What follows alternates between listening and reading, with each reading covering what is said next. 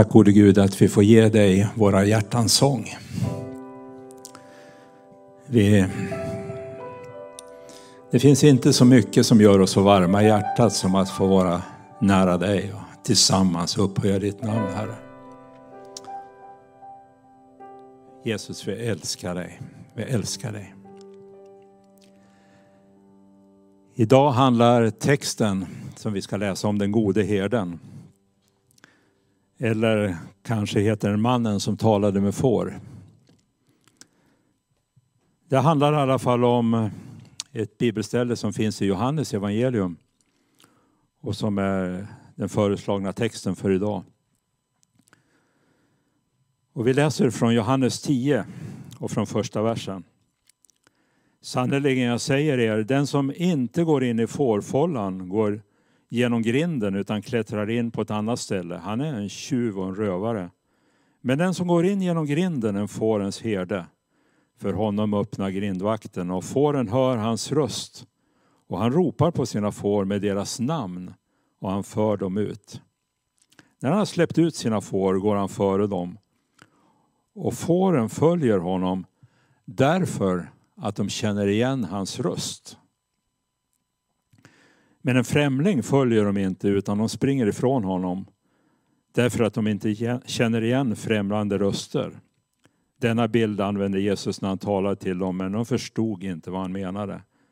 Sen sa Jesus Sannerligen jag säger er, jag är grinden till fåren. Alla som har kommit före mig är tjuvar och rövare. Men fåren har inte lyssnat på dem. Jag är grinden. Den som går in genom mig ska bli räddad. Han ska gå in och han ska gå ut, han ska finna bete. Tjuven kommer för att stjäla, slakta och döda. Men jag har kommit för att de ska ha liv och överflöd. Eh, det är Johannes, aposteln, som skriver här. Han är gammal. Han har hunnit bli över 90 år. Och enligt traditionen så var det så att när den tidiga kyrkan växte så det, så det knakade och församlingar planterades runt om i den kända världen i helt nya miljöer där olika arv från många olika trosuppfattningar och kulturer bröts med varandra.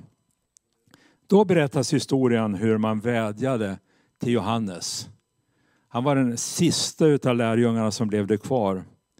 Och man vädjade att han skulle skriva en manual och en lära som församlingarna skulle kunna använda för, för vidare arbete och utveckling. Och då berättas historien att Johannes accepterar uppdraget men istället för att skriva den här dogma, dogmatiska läroboken så, eller manualen för församlingsliv så, så gör han det på sitt sätt och han väljer att att eh, berätta om sitt eget liv. Han väljer om att berätta om de enskilda människornas möten med Jesus. Människor som väldigt få andra ens nämner. Men Johannes nämner dem och han, han lyfter fram dem som de som bär evangeliet till världen. I den ortodoxa kyrkan kallas Johannes för teologen. Och teologi är inte bara invecklade läror om Gud utan det handlar om livet tillsammans med Gud. Hans evangelium kallas ju enligt traditionen för det andliga evangeliet. Och det handlar om det inre livet med Gud som får konsekvenser på livets alla områden. Johannes beskriver kärlekens Gud och, Guds kärlek sedd genom Jesus Kristus han bygger liksom ett collage av bilder för att få fram nyanserna i Guds kärlek när man läser den här boken. Jag, jag och min fru Marianne vi har läst Johannes evangeliet den sista veckan lite drygt. Vi brukar göra det på morgon och kväll tillsammans när vi har förmånen att och kunna, kunna göra det. Och det, har, det har slagit mig gång på gång hur, hur Johannes liksom Eh, Eh, ärar kärleken och ärar Guds kärlek och lyfter den. Och är så uppfylld av den efter ett långt liv tillsammans och blir ett sådant föredöme för alla som vill följa Jesus. Han, han, han använder bilder som ingen annan beskriver och han, han talar om kärlek som en helande olja. Eh, ett flöde, står det på några ställen, ett flöde av friskt levande vatten. Han talar om kärlek, Guds kärlek som det livgivande ljuset, som det levande brödet. Som, eller som han säger till Nikodemus den där kvällen, den här varma, varma sköna kvällen när de sitter och pratar med varandra och så säger han att eh, Guds kärlek är som en, en andens vind. Och jag nästan känner att Nikodemus kunde känna det där med Johannes som kanske satt på ett tak och pratade en ljum, varm medelhavskväll. Kärleken som en livgivande vind, pånyttfödande. En kärlek som bryter all fördömelse. Och I dagens text läste vi om herden som pratar med sina får och som kallar dem vid namn. Om fåren som känner igen sin herde på långt håll när de hör hans röst.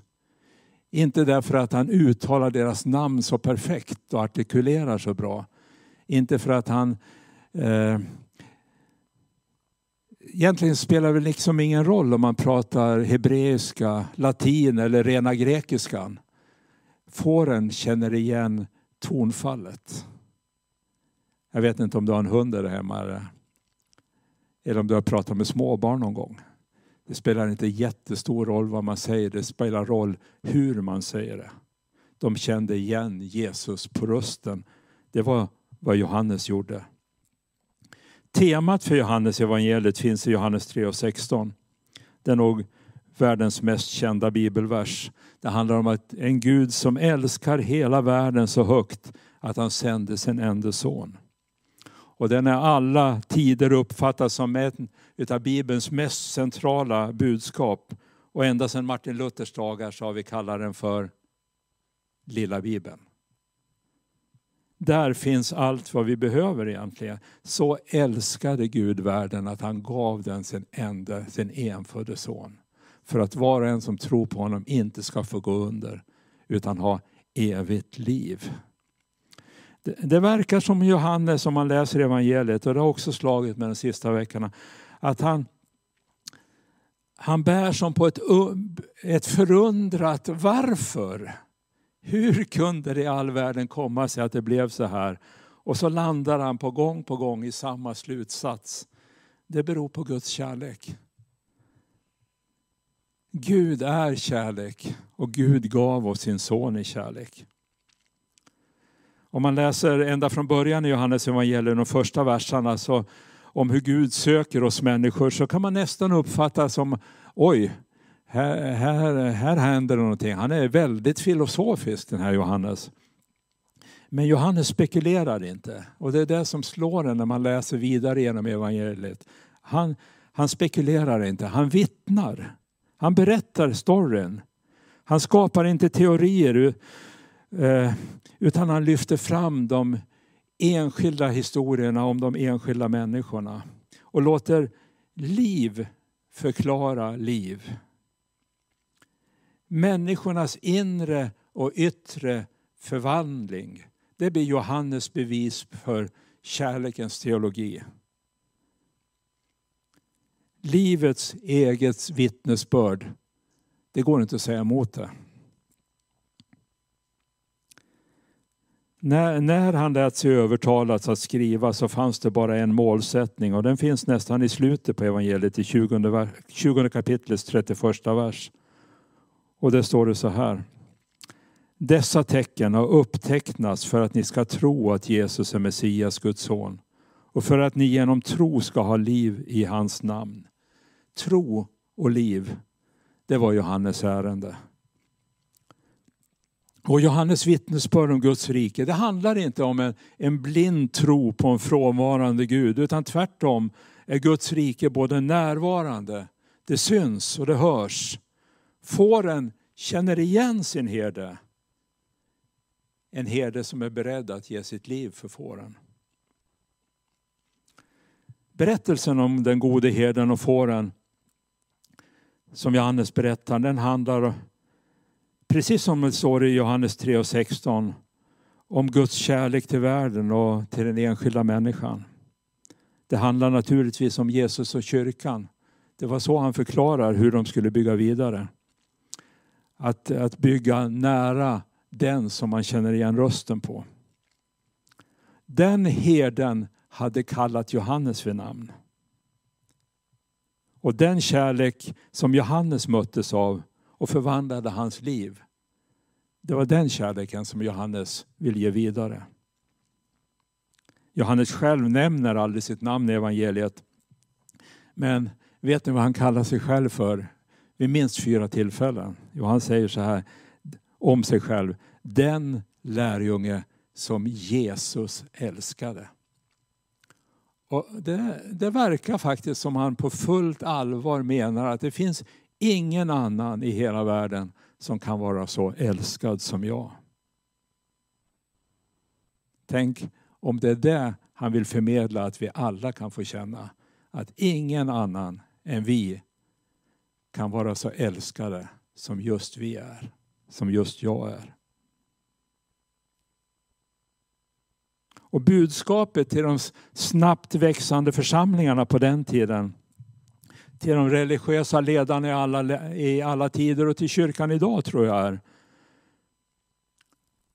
När vi har så lätt att fastna, de hade så lätt att fastna i sina egna traditioner. Men det här budskapet är glasklart. Både fåraskötsel och kyrkobruk handlar om relationer. Orden finns där för att uttrycka närheten som jag sa. Det handlar inte om vad som sägs i första hand utan det handlar om hur det sägs. Och naturligtvis är det bra om man säger det på rätt sätt. Berättelsen handlar om att dörren till Guds rike är öppen och att alla kan lära sig att känna igen kärlekens röst. När Johannes och den unga kyrkan på den tiden, och jag tror det gäller oss idag också, när vi möter alla de här tendenserna och strömningarna i tiden. Då är det förlösande ordet kärlek. Det förlösande förhållningssättet är kärlek. Alla lagens lagar och alla etikens etiketter hade inte räckt för den tidiga kyrkan och den räcker inte för oss heller. Svaret på den tidens alla allvarliga problem var inte en ultimat kyrkoordning.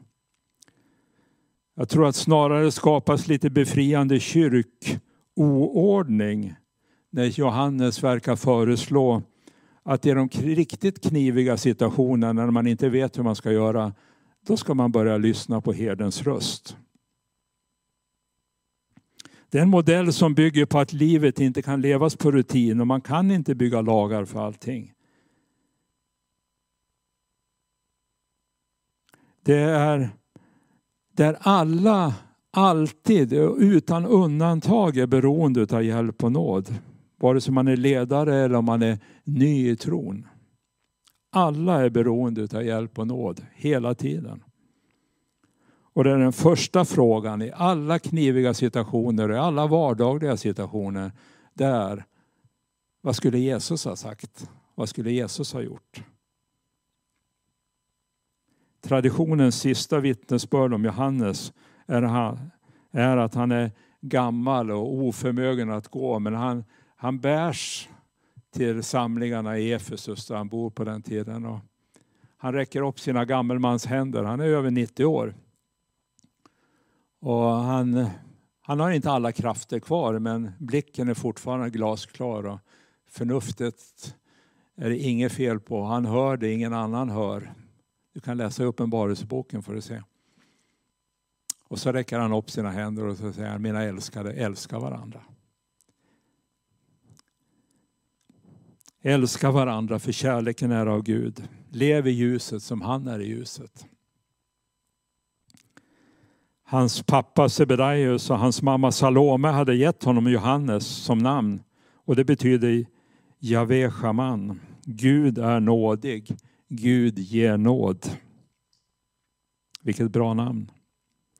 Det var den nåden han bejakade när han lyssnade på herdens röst. Kan det fortfarande vara så, precis som för Johannes, att ingenting annat kan motsvara vår längtan efter bekräftelse som den kärlek som Gud ger?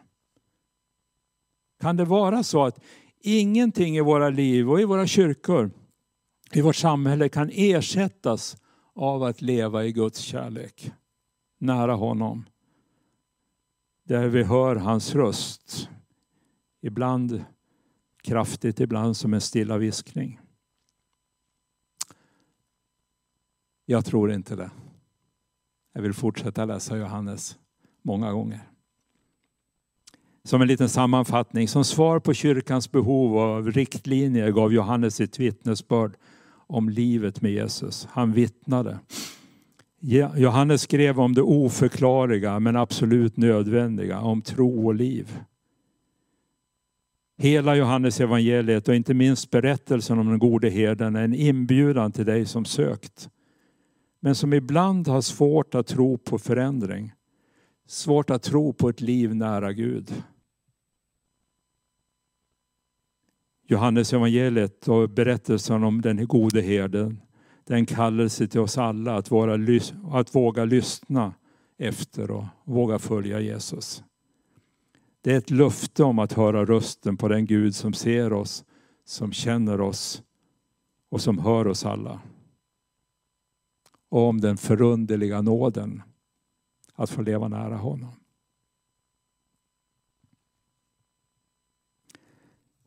Ska vi, ska vi be tillsammans?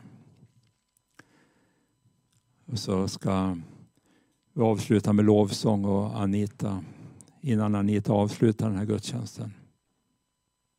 Men jag vill be för dig.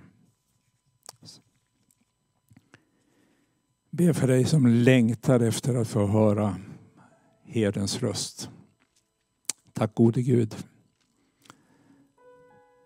Att du känner oss inom och utom. Tack att livet med dig är inte en, följer inte ett livsmönster i första hand utan att det handlar om relationer och närhet. Precis som våra liv är när de är som bäst. Och vi, vi mår så bra av att leva i, i goda relationer, Herre. Låt oss få göra det med varandra men låt oss inte hoppa över att leva i en god relation med dig. I jobbiga dagar, i, i bra dagar, tack att du vill vara oss nära. Och tack att du vill viska till oss just nu våra namn och berätta att du älskar oss, Herre. Fader vår som är i himmelen. Helgat vare ditt namn. Tillkomme ditt rike. Ske din vilja så som i himmelen så på jorden. Vårt dagliga bröd giv oss idag och förlåt oss våra skulder. Lika som vi förlåtit den som står i skuld till oss. Inled oss inte i frestelse utan fräls oss ifrån ondo. Ty riket är ditt och makten och härligheten i evighet. Amen.